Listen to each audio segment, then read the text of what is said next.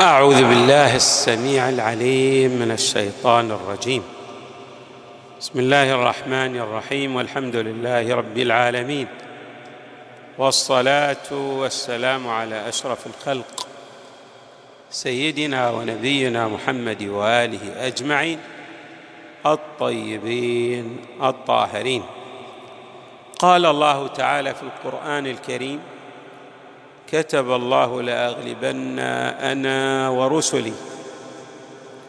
إن الله قوي عزيز. صدق الله العلي العظيم.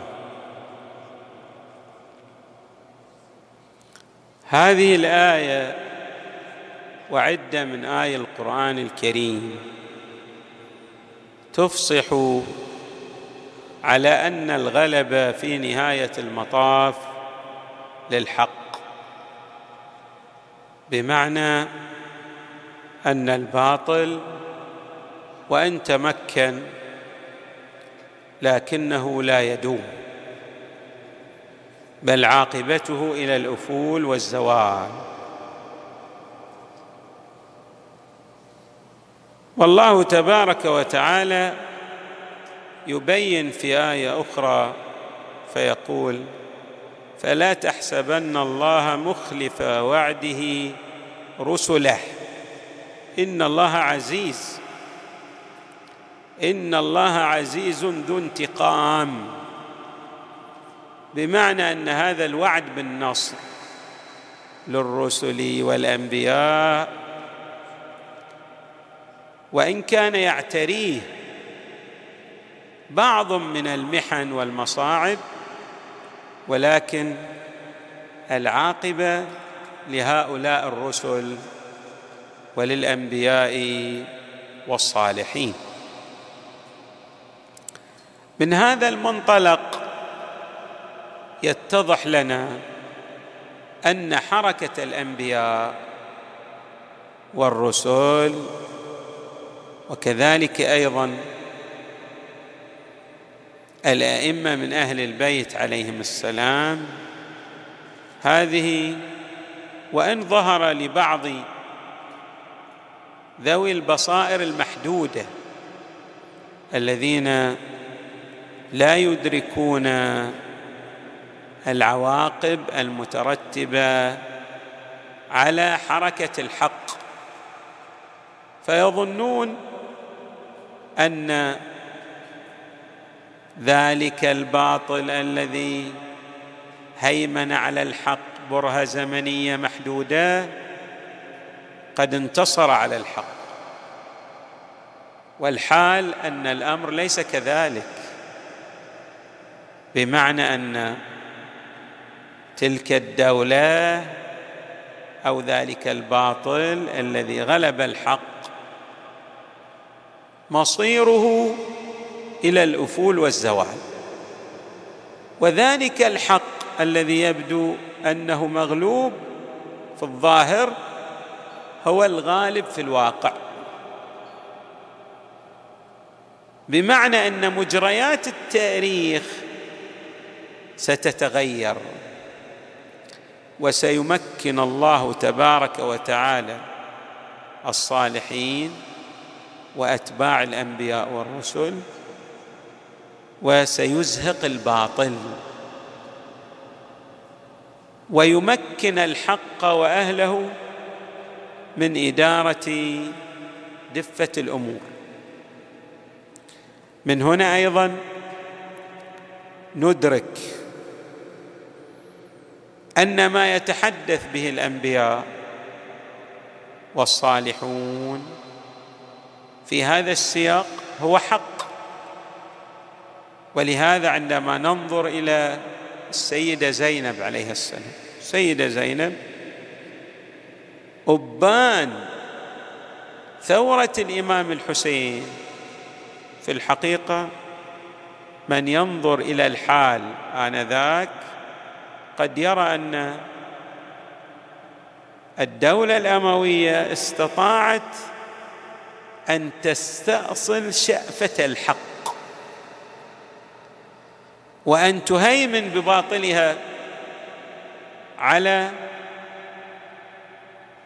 الفكر الإسلامي السليم المتجسد في الحسين عليه السلام وأتباعه. ولكن عندما ننظر إلى تلك البصيرة النافذة التي تحدثت بها السيدة زينب عليها السلام نرى أن تلك البصيرة تشير بل تفصح عن هذا القانون الإلهي الذي استعرضناه في قوله تعالى كتب الله لأغلبن أنا ورسلي إن الله قوي عزيز. الغلبة ستكون لمن؟ للحسين ولنهج الحسين عليه السلام. بالرغم من صولة الباطل بالرغم من ذلك الإعلام المكثف بالرغم من ذلك الزخرف من القول غير أن ذلك الإعلام المضلل وتلك الهيمنة المزورة سيؤول أمرها إلى الأفول والاندثار. لننظر ما قالت السيدة زينب عليها السلام وهي تجابه ذلك الطاغية الذي يظن بنظره حيث تمكن من قتل الحسين عليه السلام مع أصحابه وأهل بيته بأنه يعني سيسير مجرى التاريخ بما يصب في صالحه وصالح الفكر الأموي. لكن الرد الذي ردت به السيدة زينب عليها السلام جعلت كما نعبر النقاط على الحروف. أن هذا الباطل وإن هيمن غير أنه سيهيمن برهة زمنية محدودة وسيتلاشى منتهيا. تقول عليها السلام في هذا الصدد ثم كد كيدك واجهد جهدك فوالذي شرفنا بالوحي والكتاب والنبوة والانتجاب لا تدرك أمدنا ولا تبلغ غايتنا ولا تمحو ذكرنا ولا ترحض عنك عارنا وهل رأيك إلا فند وأيامك إلا عدد وجمعك إلا بدد. يوم ينادي المنادي ألا لعن الظالم العادي؟ هذا نص جميل أو مقطع من خطبتها. نريد أن نسلط الضوء على بعض حيثياته. تقول إن ذلك المكر الذي يمارسه الأمويون. ولا زال إلى يوم الناس هذا. هناك من ينظر لهذا الفكر الأموي الباطل بل ويجرم الحسين عليه السلام. ويقول كما قال بعضهم إنه خرج عن حده فقتل بسيف جده. تقول إن تلك المكائد وذلك الجهد والجد ماذا؟ اقسم بالله العظيم الذي أنزل الوحي على نبيه صلى الله عليه وآله وانتجبه وانتجب أهل البيت عليهم السلام كأئمة معصومين يمثلون الخلافة الإلهية من بعده صلى الله عليه وآله أن هذا الفكر المتغطرس والضال والذي لا يدرك من الدنيا إلا المديات المادية لا تدرك أمدنا. يعني أن هذا البعد الغيبي لرسالات الأنبياء ولائمه الأئمة الذين انتجبهم الله تبارك وتعالى لا يدركه هذا القاصر الذي ينظر من بعد واحد هو البعد المادي فحسب لا تدرك امدنا ولا تبلغ غايتنا هنا لا تبلغ غايتنا أي أن المسألة ترتبط بماذا؟ ببرنامج إلهي. لا يمكن أن يزول هذا البرنامج لأن الغلبه للحق. ولو كان ولو كانت هناك غلبة مؤقتة إذا صح التعبير لكن هذه الغلبة المؤقتة لا يمكن أن تمحو ذكر الحق لأن الحق هو النور الذي يريده الله تبارك وتعالى لعباده أن يستنيروا به ليصلوا إليه جل وعلا. ولا تبلغ غايتنا ولا تمحو ذكرنا. كم فعل هؤلاء الطغاة؟ لامحاء ذكر الحسين ومن معه.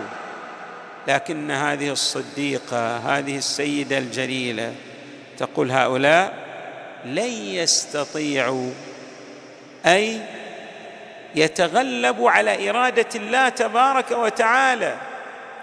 ثم تقول ولا ترحض عنك عارنا. لماذا؟ لأن ما اقترفه من الجرائم لا يمكن أن يزول. بل كل من اشترك في إماتة الباطل وفي نصرة في إماتة الحق وفي نصرة الباطل سيتحمل وزرا من هذا العار. وستقترن به ماذا؟ الآثار الوضعية لذلك. ولذلك تقول وهل رأيك إلا فند؟ وأيامك إلا عدد. المهم أن هذه آماد محددة ومؤقتة ثم ثم تتلاشى. قد رأينا دول يعني سادت ثم بادت ثم انتهى أمدها. تلاشت بالرغم من هيمنتها وقوتها كم كان للدولة الأموية من اقتدار وقوة وكذلك الحال مع الدولة العباسية. لكنها تلاشت بسبب التأييد للباطل والمحاربة للحق. وهل رأيك إلا فند وأيامك إلا عدد؟ وهذه الجموع والجيوش والإعلام المضلل سينقطع ويتبدد إلا بدل. يوم ينادي المنادي ألا لعن الظالم العادي؟ يعني ماذا تقصد بالمنادي؟ نحتمل هنا معنيين. المعنى الأول أن ذلك يرتبط بمسألة الإمام المهدي عليه السلام. وبالتالي يوم يمكن الله تبارك وتعالى هذا الإمام الهمام للسيطرة على الكرة الأرضية. والمعنى الثاني هو أن كل دولة من الدول لها أمد حتى وإن مارست آه، الباطل بشكل فظيع. لا يمكن لهذا الباطل أن يستمر لأن قوانين الحق تبارك وتعالى في هذه الدنيا تجعل لهؤلاء المبطلين للظالمين امدا محددا ليمتحن الله تبارك وتعالى العباد بهم. لكن العاقبة لمن؟ للمتقين. فتشير إلى النهاية التي ستعقب أفعال هؤلاء الظالمين وستقضي عليهم لأن الله تبارك وتعالى يريد للحق أن يهيمن على الباطل. أسأل الله تبارك وتعالى أن يجعلنا مع هذه السيدة الجليلة زينب عليها السلام ومع أخيها الحسين ومع الأئمة من أهل البيت في الدنيا والآخرة. وصلى الله وسلم وزاد وبارك على سيدنا ونبينا محمد وآله أجمعين الطيبين الطاهرين.